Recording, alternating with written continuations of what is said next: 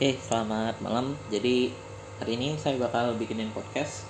Mungkin singkat aja, nggak lama-lama. Coba ngasih penjelasan lebih lanjut tentang Perang Dunia II supaya teman-teman dapat pemahaman lebih lanjut mengapa nantinya di dunia itu pasca Perang Dunia I itu tidak mengakhiri berbagai permasalahan politik khususnya di dunia. Dalam hal ini kita coba akan mulainya dari Eropa yang nantinya itu akan menyebar ke Asia.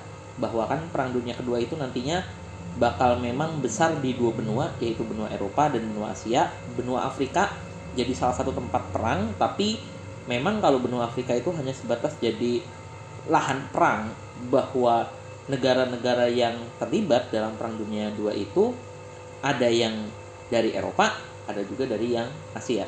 Jadi saya coba bakal ngebahas singkat tentang bagaimana Eh, kondisi-kondisi di dunia pasca Perang Dunia Satu yang akan menjadi pemicu dari uh, pecahnya Perang Dunia II.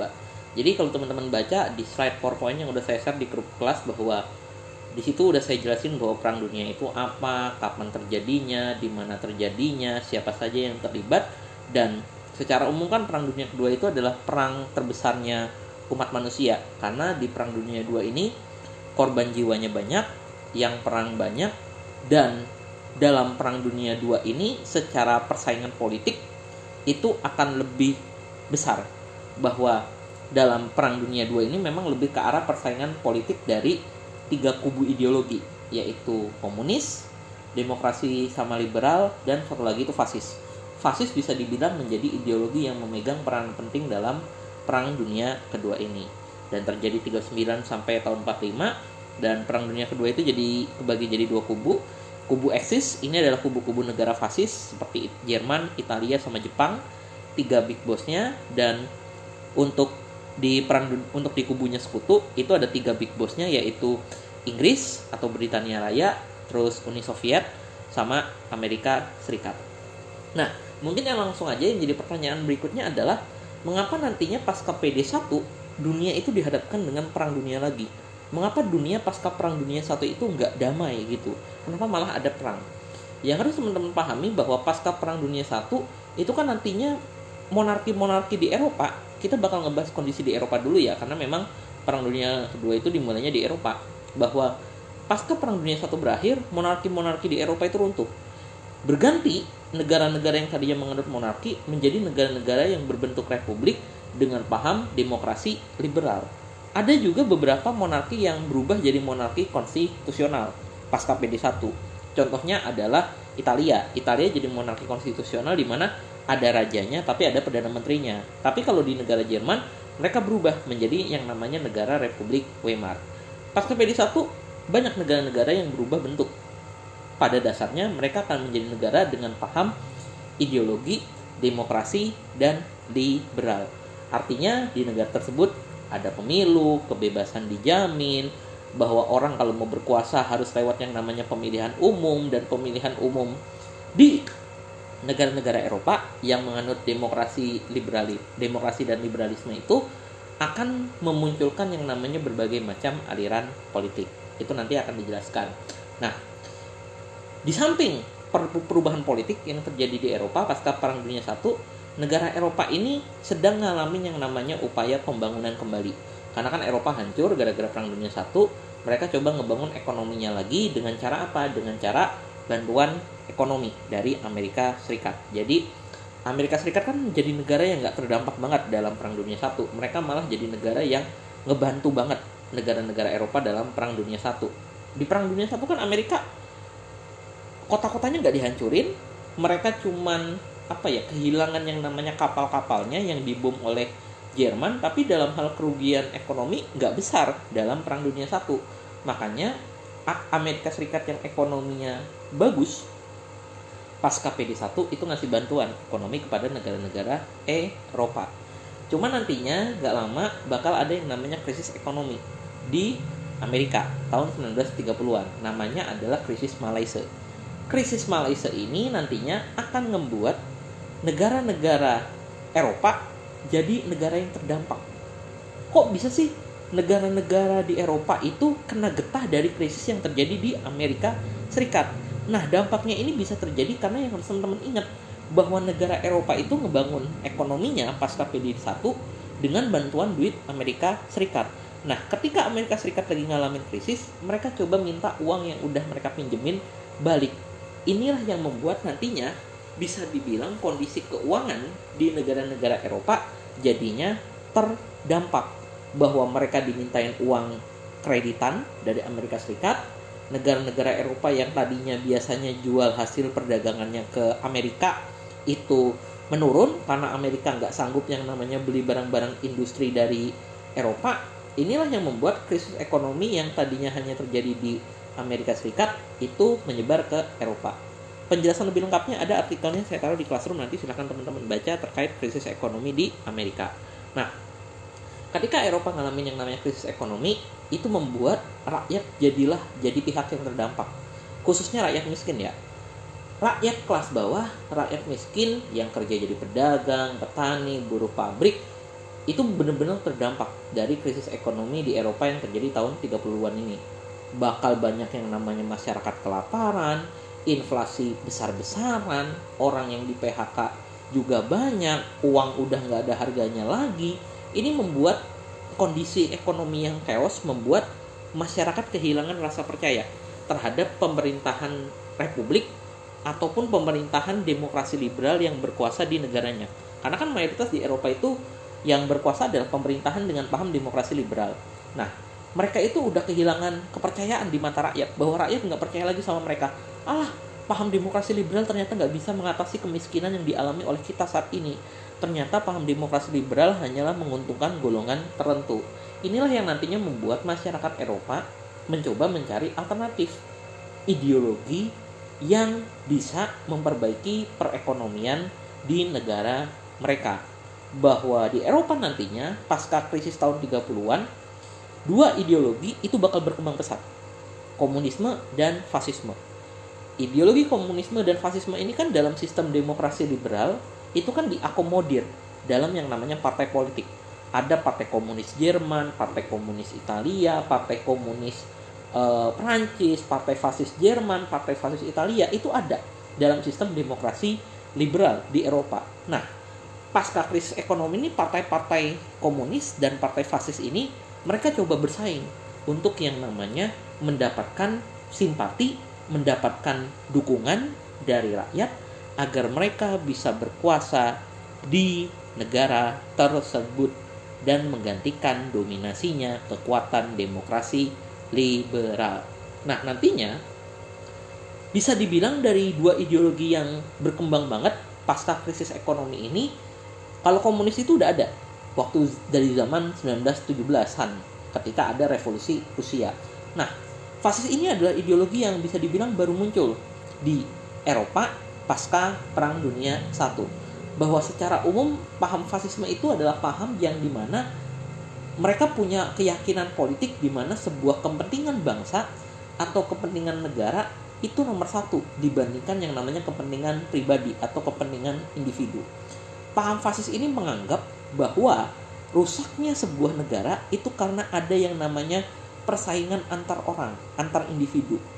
Menurut paham fasis, masyarakat sebuah bangsa ataupun masyarakat dari sebuah negara harus bersatu untuk yang namanya membangun negaranya. Tidak boleh saling sikut-sikutan.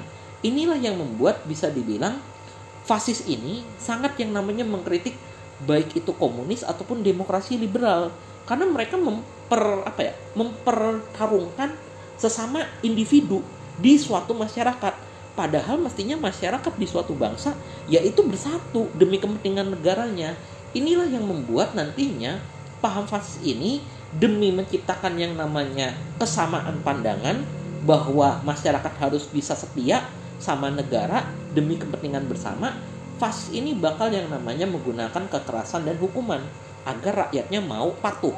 Ibaratnya bahasa gampangnya rakyatnya itu dipersatukan, bukan rakyatnya bersatu. Dan fasisme itu juga ngejual yang namanya ide-ide Calvinisme nasionalisme berlebihan, memandang bahwa bangsa mereka itu adalah bangsa yang besar. Dengan penjelasan, oh zaman dulu bangsa kita ini penguasa di dunia, sekarang kita harus bisa menguasai dunia lagi ataupun juga nantinya para tokoh-tokoh dari kelompok fasis ini akan yang namanya gunain sentimen sara baik itu dalam hal suku ataupun dalam hal agama di masyarakatnya bahwa eh lihat negara kita ini hancur karena ada agama tertentu yang membuat uh, kita ini saling bertengkar satu sama lain. Ayo kita hilangkan agama tersebut supaya tidak yang namanya menghancurkan bangsa kita. Itulah nantinya paham fasis yang akan berkembang di Eropa. Bagaimana paham fasis ini berupaya menciptakan kesatuan masyarakat untuk mencapai yang namanya kepentingan negara. Itu adalah paham fasisme. Dan hingga tahun 30-an nantinya ternyata fasisme ini justru lebih disukai oleh masyarakat dibandingkan paham komunis dan itu dibuktikan bahwa hingga tahun 30-an fasisme di Eropa itu berkuasa di tiga negara Italia, Jerman, sama Spanyol. Nah, yang jadi pertanyaan adalah kenapa fasisme itu bisa lebih berkuasa dibandingkan paham komunis? Kenapa masyarakat lebih suka paham fasis dibandingkan paham komunis? ada beberapa cara yang dilakukan oleh kelompok fasis agar mereka bisa dapat dukungan dari yang namanya rakyat. Cara pertama yang dilakukan oleh kelompok fasis adalah mereka bakal yang namanya nyebarin propaganda melalui poster-poster, melalui tulisan-tulisan di koran, atau bahkan nyebarin isu-isu di masyarakat, di restoran-restoran terkait yang namanya eh, apa ya masalah-masalah kehidupan sehari-hari ya bahasa paling gampangnya adalah kan negara-negara Eropa itu bakal banyak yang namanya ngalamin krisis ekonomi. Ketika negara Eropa ngalamin yang namanya krisis ekonomi, mereka kan butuh yang namanya harapan. Harapan akan adanya perbaikan dalam hal ekonomi. Nah, kelompok fasis ini dengan poster-posternya, dengan tulisan-tulisannya, ngasih harapan kepada masyarakat bahwa ayo pilih kami dukung kami, maka kami akan memberikan yang namanya perbaikan. Demi apa? Demi kepentingan bersama.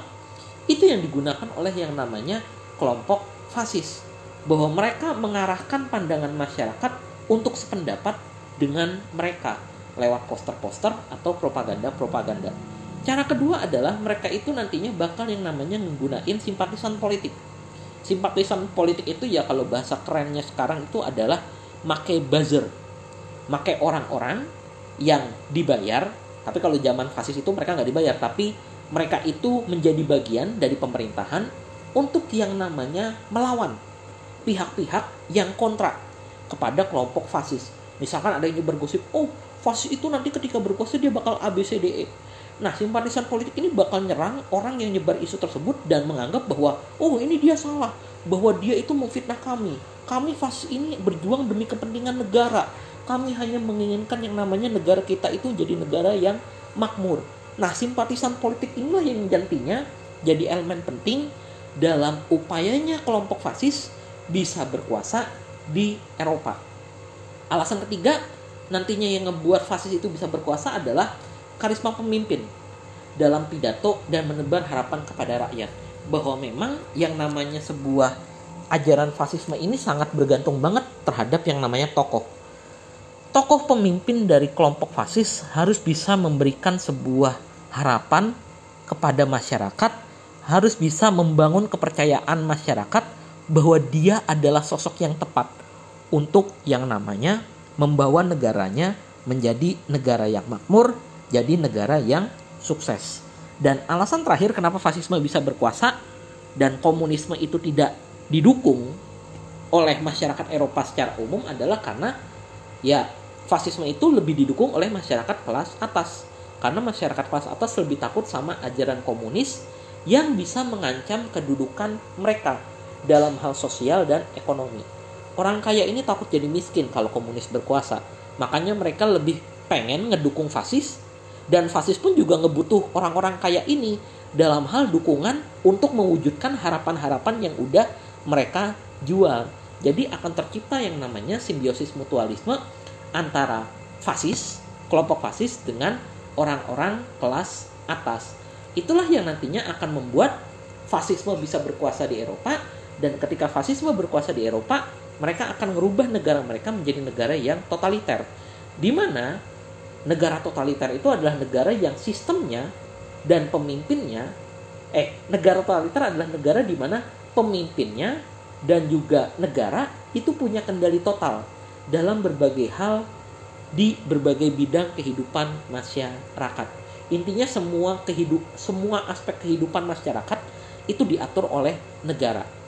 Dan beberapa cirinya yang paling gampang adalah di negara totaliter seperti negara fasis itu tidak ada yang namanya kebebasan berpendapat, kebijakan ekonomi dikendalikan oleh pemerintah dan kehidupan masyarakatnya itu diawasi oleh yang namanya intel-intel agar tidak ada yang menentang pandangannya kelompok fasis. Nah, nantinya fasisme di Eropa itu bakal berhasil berkuasa dan besar di dua negara, Italia dan Jerman. Italia akan menjadi negara fasis pertama di Eropa dan Jerman akan menjadi negara fasis kedua di Eropa. Nah, Italia kenapa dia bisa nantinya berubah menjadi negara fasis di Eropa itu nggak lepas dari tokoh namanya Benito Mussolini. Mussolini ini bakal jadi orang yang megang peranan penting dalam yang namanya menyebarkan paham fasisme ke Eropa. Bahwa Mussolini ini adalah veteran Perang Dunia I, bekas tentara dalam Perang Dunia I. Backgroundnya adalah orang sosialis, keluarganya itu sosialis, tapi nantinya setelah Perang Dunia I itu dia bakal yang namanya bikin partai fasis Italia. Apa yang membuat Mussolini ini bikin partai fasis Italia? Sebenarnya alasan Mussolini bikin partai fasis Italia ini adalah kekecewaan dari para veteran Perang Dunia I yang merasa keberadaan kelompok demokrasi dan kelompok liberal di Italia itu tidak bisa membawa perubahan yang benar-benar total dalam kehidupan masyarakat. Bahwa para veteran PD1 ini melihat ada dua kejelekan kekuasaannya kelompok demokrasi liberal di Italia. Pertama, mereka nggak bisa mengendalikan krisis ekonomi di Italia pasca Perang Dunia I. Dan yang kedua adalah kelompok liberal demokrasi ini gagal yang namanya dapetin wilayah sengketa pasca PD1. Padahal kan Italia itu masuk ke kubu yang menang dalam Perang Dunia I.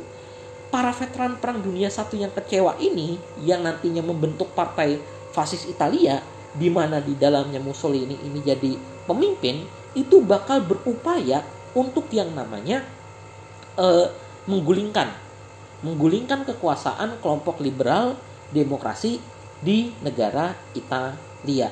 Dan nantinya upayanya Mussolini ini didukung oleh yang namanya simpatisan politik, namanya meja hitam. Dan itu punya tugas untuk yang namanya menekan kelas-kelas ideologi lain, baik itu demokrasi liberal ataupun komunis, bahwa Mussolini bersama para veteran Perang Dunia I yang berada di dalam partai fasis Italia berupaya membuat diri mereka itu berkuasa di Italia. Puncaknya itu adalah tahun 1922 ketika nantinya eh, Raja Italia yaitu Victor, Victor Emmanuel III dapat masukan dari penasehat kerajaan untuk yang namanya ngasih jabatan Perdana Menteri Italia kepada Mussolini. Alasannya apa? Alasannya adalah para penasehat kerajaan ini e, melihat kelompok fasis ini berupaya ngelakuin yang namanya kudeta ke kota Roma di bulan Oktober 1922. Dan kudeta ini dikhawatirkan akan menciptakan yang namanya kerusuhan di masyarakat.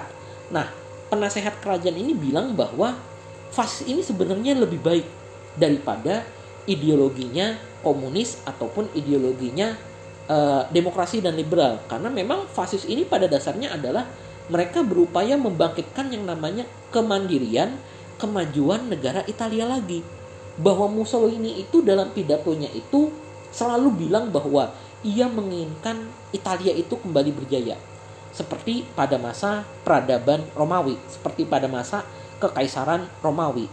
Dan alasan lain kenapa nantinya uh, Mussolini itu bisa naik ke kekuasaan di Italia ini dikarenakan para orang-orang kerajaan lebih takut dengan yang namanya kelompok komunis bahwa kelompok komunis kalau mereka berkuasa pasti mereka akan ngelakuin yang namanya revolusi.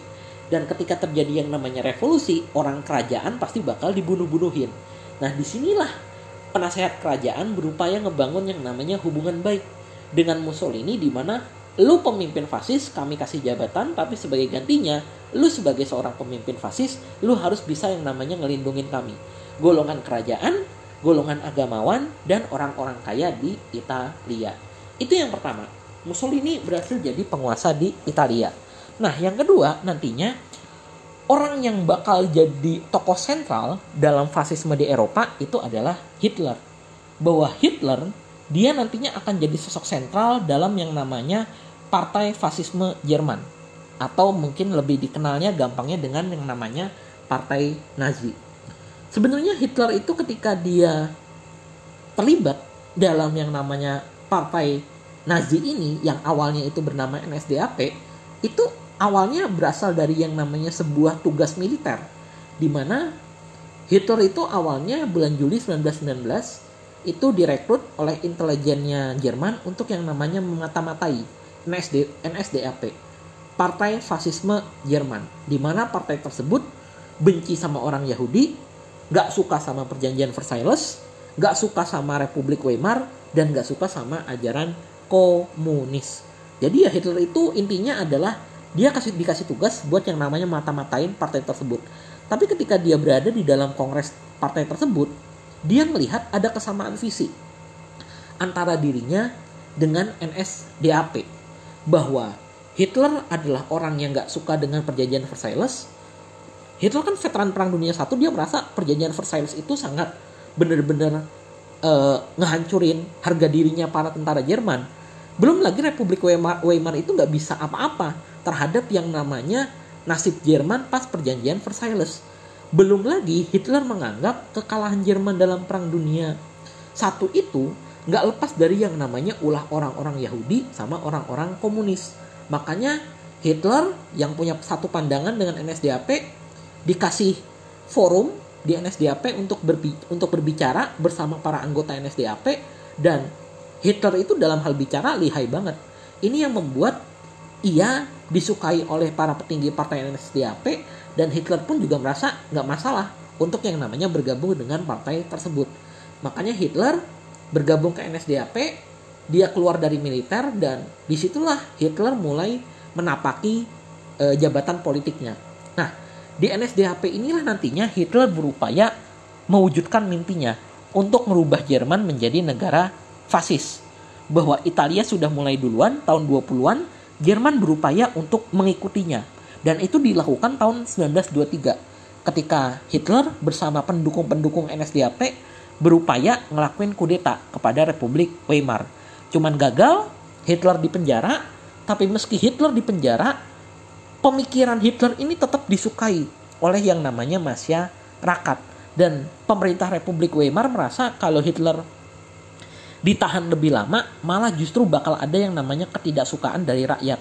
Makanya nantinya Hitler dibebasin nggak lama dari penahanannya padahal kan dia mestinya ditahan eh dihukum lima tahun tapi dia cuman hanya di penjara 9 bulan. Nah begitu Hitler bebas di sini nantinya Hitler akan merubah NSDAP jadi partai Nazi dan lewat partai Nazi inilah Hitler berupaya untuk yang namanya membuat partai Nazi berkuasa di negara Jerman. Dan Hitler melihat kegagalan tahun 23, dia memutuskan untuk yang namanya menggunakan cara sah, yaitu lewat pemilu. Makanya demi mencapai keberhasilan dalam pemilu ini, memang Hitler itu berupaya ngebangun partai Nazi dari nol supaya bisa dapat dukungan dari rakyat. Bahwa Hitler ketika menjelang pemilu dia berpidato, dia ngasih harapan, dia ngasih janji, dia ngasih bukti nyata bahwa kalau kami partai Nazi diberikan e, kekuasaan, kami bakal yang namanya memberikan yang namanya perbaikan kepada masyarakat. Nah, inilah yang membuat nantinya ketika partai Nazi yang udah berhasil dibangun oleh Hitler dapat dukungan banyak dari masyarakat itu terbukti ketika pemilu tahun 32 sampai tahun 33 Hitler itu dengan partai Nazinya menang dalam hal mayoritas suara. Tapi di parlemen mereka kalah mayoritas koalisi. Karena bisa dibilang gak ada partai yang mau koalisi dengan partainya Hitler. Jadi ini membuat Hitler gak bisa jadi pemimpin di Jerman. Bahwa Hitler hanya jadi orang kedua karena ada partai lain yaitu partai liberal sama partai katolik yang berkoalisi dan menguasai mayoritas parlemen. Makanya Hitler yang jadi peringkat kedua dengan partai nazinya hanya dikasih jabatan kanselir. Itu jabatan di bawahnya presiden. Dan saat itu Jerman dipimpin oleh yang namanya presiden Hindenburg. Nah di sinilah nantinya Meskipun Hitler nggak berkuasa jadi orang nomor satu, Hitler itu nantinya akan memanfaatkan e, keberadaan partai Nazi di parlemen untuk yang namanya ngelakuin perubahan-perubahan undang-undang di pemerintahan.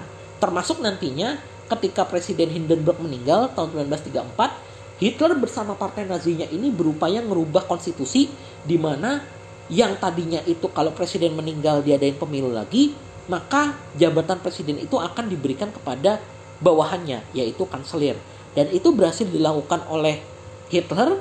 Dan kenapa Hitler berhasil yang namanya merubah undang-undang di Jerman itu nggak lepas dari yang namanya keberadaan simpatisan politiknya yang selalu menekan orang-orang liberal dan katolik buat sependapat dengan e, mereka dan juga alasan lainnya adalah mayoritas masyarakat Jerman lebih ngedukung Hitler dibandingkan kelompok liberal dan katolik.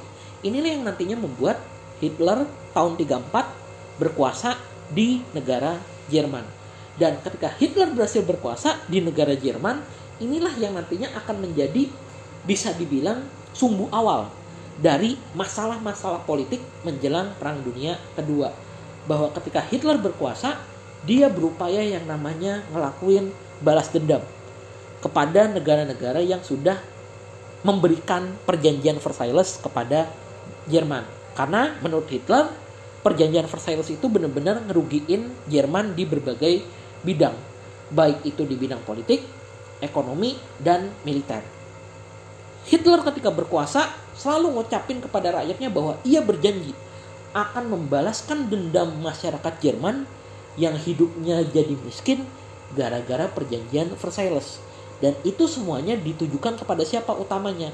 Kepada negara Prancis.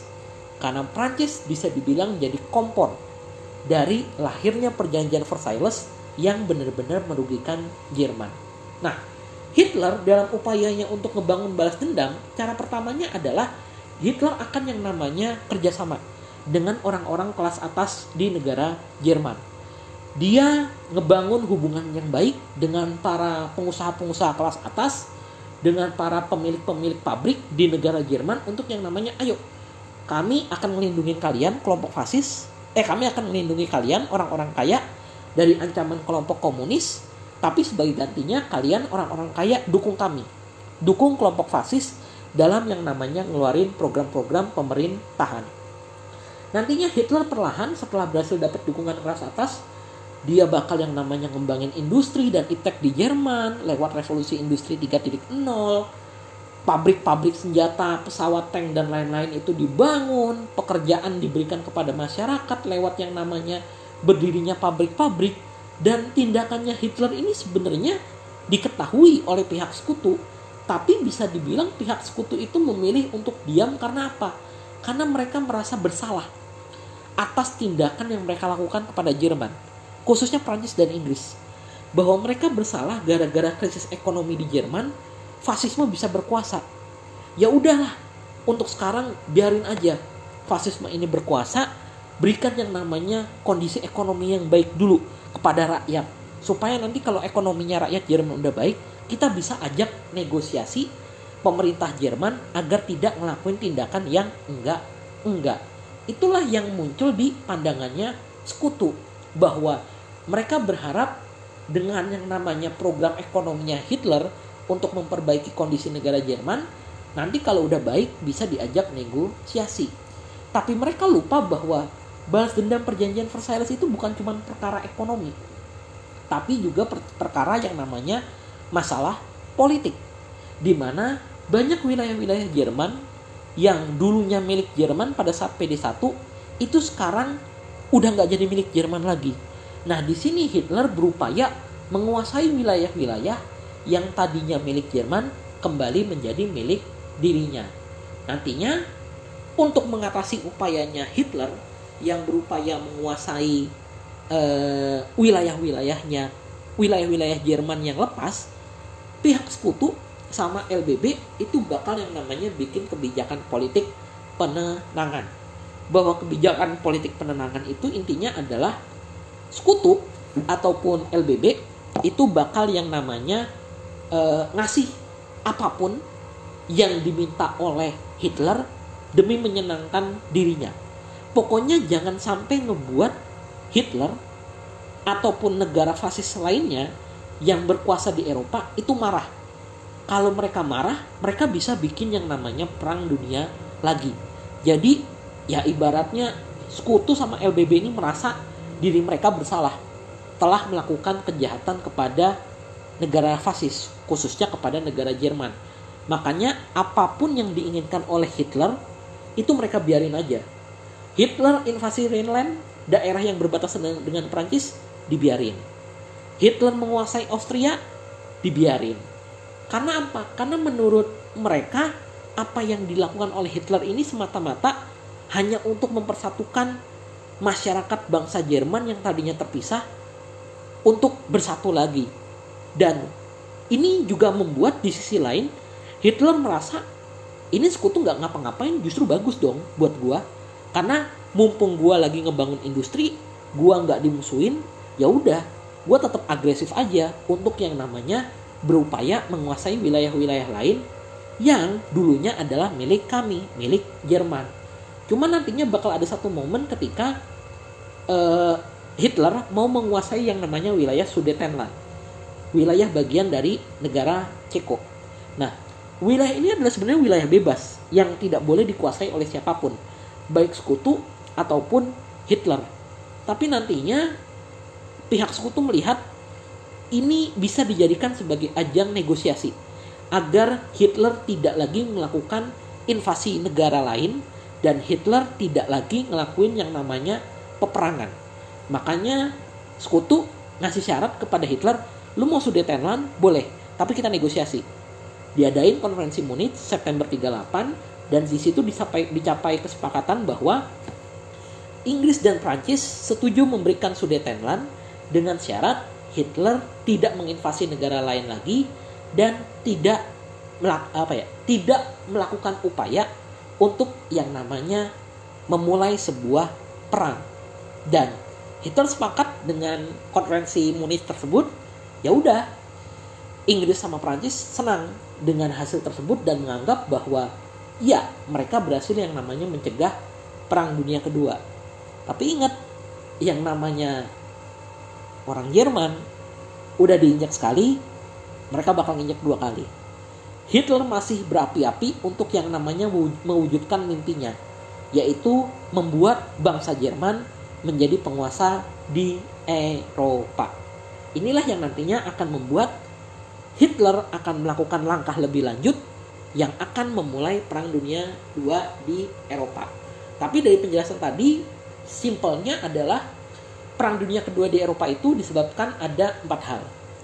Krisis ekonomi, paham fasis yang berkembang, kebijakan penenangan yang gagal oleh eh, LBB dan sekutu, sama yang terakhir adalah balas dendamnya Jerman terhadap perjanjian Versailles. Nantinya pasca konferensi Munich, Hitler akan memulai sebuah perang dunia baru. Karena apa? Karena Hitler gagal yang namanya ngedapetin wilayah kota Danzig di Polandia. Hitler masih pengen nguasain wilayah lain, tapi kota Danzig gak mau menyerahkannya kepada uh, Jerman. Dan sekutu juga udah bilang, eh lu kan udah gua kasih Sudetenland, lu mestinya gak boleh minta lagi dong.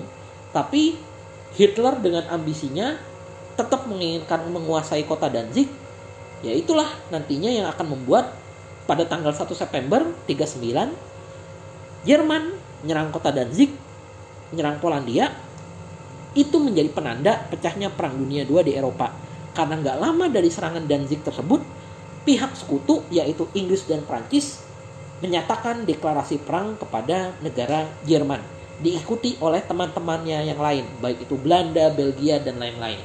Tapi di sini yang memang sedikit lebih cerdas dari Hitler dalam yang namanya eh, apa ya dalam yang namanya memulai perang dunia kedua ini Hitler tidak lagi perang di dua wilayah seperti yang dilakukan oleh Jerman pada saat perang dunia satu.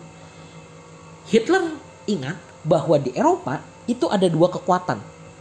Sekutu yaitu Inggris dan Prancis, tapi di sisi lain ada yang namanya Uni Soviet. Uni Soviet sama pemerintahannya totaliter. Mereka berupaya menyebarkan ajaran komunis ke seluruh dunia, termasuk ke seluruh Eropa. Nah, Hitler di sini nggak mau yang namanya perang dengan dua kelompok. Hitler hanya ingin perang dengan satu kelompok agar apa? Agar bisa kemenangannya itu terjamin. Hitler belajar dari kesalahan dalam Perang Dunia I. Makanya meskipun Hitler benci dengan kelompok komunis, tapi Hitler merasa Uni Soviet sebagai negara Eropa terbesar itu bakal sulit untuk dihadapi kalau juga berperang dengan pihak Inggris dan Prancis. Makanya sebelum invasi ke wilayah Danzig Polandia, Hitler ngejalin yang namanya fakta non agresi dulu dengan yang namanya Uni Soviet bahwa Jerman dan Uni Soviet berjanji tidak akan saling menyerang satu sama lain kalau misalkan pecah perang dan akan ada pembagian dua wilayah yaitu wilayah Polandia akan dibagi jadi dua sebagai pembatas antara wilayahnya Jerman dan Uni Soviet. Barat Polandia itu bakal jadi milik Jerman dan timurnya Polandia itu bakal jadi milik Uni Soviet. Dan langkahnya Jerman itu terbukti cerdas karena berkat langkah tersebut Jerman setelah mulai Perang Dunia II tanggal 1 September 39 mereka bisa naklukin Eropa dengan gampang. Hingga akhir Juni tahun 40 semua wilayah Eropa itu berhasil dikuasai oleh yang namanya pihak Jerman, dibantu oleh pihak Italia. Cuman masalah akan timbul ketika apa? Ketika nantinya Hitler dan Italia, Jerman dan Italia yang sudah menguasai seluruh Eropa tahun 1940 harus menghadapi yang namanya negara Inggris. Prancis sudah dikalahin nih, satu kekuatan sekutu, tapi tinggal Inggris Nah, Inggris itu ada di satu kepulauan yang terpisah dengan Eropa daratan. Dan pertarungan dengan Inggris inilah yang akan sangat sengit. Dan pertarungan dengan Inggris yang sengit ini membuat kedudukan Jerman dalam PD2 ini bakal ngalamin pelemahan ketika sumber daya alamnya terbatas. Khususnya sumber daya minyak untuk yang namanya e, menjadi tenaga buat roket, buat tank, buat pesawat, untuk yang namanya nguasain negara Inggris. Nah di sinilah Hitler bakal ngelakuin sebuah tindakan yang rakus. Di mana Hitler melihat, oke Eropa daratan udah dikuasain. Tapi masih ada Uni Soviet. Uni Soviet kaya akan sumber daya alam. Dan Uni Soviet meskipun negaranya luas, mereka militernya nggak maju. Buktinya pas PD1 aja, mereka nggak apa-apa lawan Jerman. Makanya nantinya Hitler bulan Juni tahun 41 bakal mengingkari fakta non agresi dan mereka bakal yang namanya menyerang Uni Soviet. Dan ketika mereka menyerang Uni Soviet ini bisa dibilang ini adalah blundernya Hitler pertama. Karena dengan invasinya ke Uni Soviet bisa dibilang Inggris tidak apa ya? Inggris tidak terlalu terpusat dalam yang namanya menghadapi Jerman. Karena pasti Jerman juga akan berfokus untuk yang namanya nguasain Uni Soviet terlebih dahulu karena Uni Soviet lebih menjanjikan yang namanya sumber daya alam yang menguntungkan buat yang namanya militernya mereka. Itulah yang nantinya akan membuat PD2 akan mengalami yang namanya masa-masa berimbang lah setelah Jerman ngelakuin invasi ke Uni Soviet. Dan nantinya Perang Dunia II akan mengalami perubahan total ketika nantinya di benua lain terjadi yang namanya perang dunia juga, yaitu tepatnya di benua Asia. Bahwa perang dunia dua yang pecah di benua Asia itu nantinya akan memberikan berkah kepada siapa? Kepada sekutu di Eropa karena mereka di samping dapat bantuan dari Uni Soviet yang mulai berperang dengan Jerman, mereka akan dapat bantuan lain dari pihak yang gak terlibat sebenarnya dalam Perang Dunia II, tapi terpaksa ikut gara-gara pecahnya peristiwa sebelum Perang Dunia Kedua di Asia, yaitu Amerika bakal terlibat. Itu akan saya jelasin di podcast terpisah buat ngejelasin tentang PD2 di benua Asia sama endingnya. itu aja dari saya. Eh, selamat malam, terima kasih.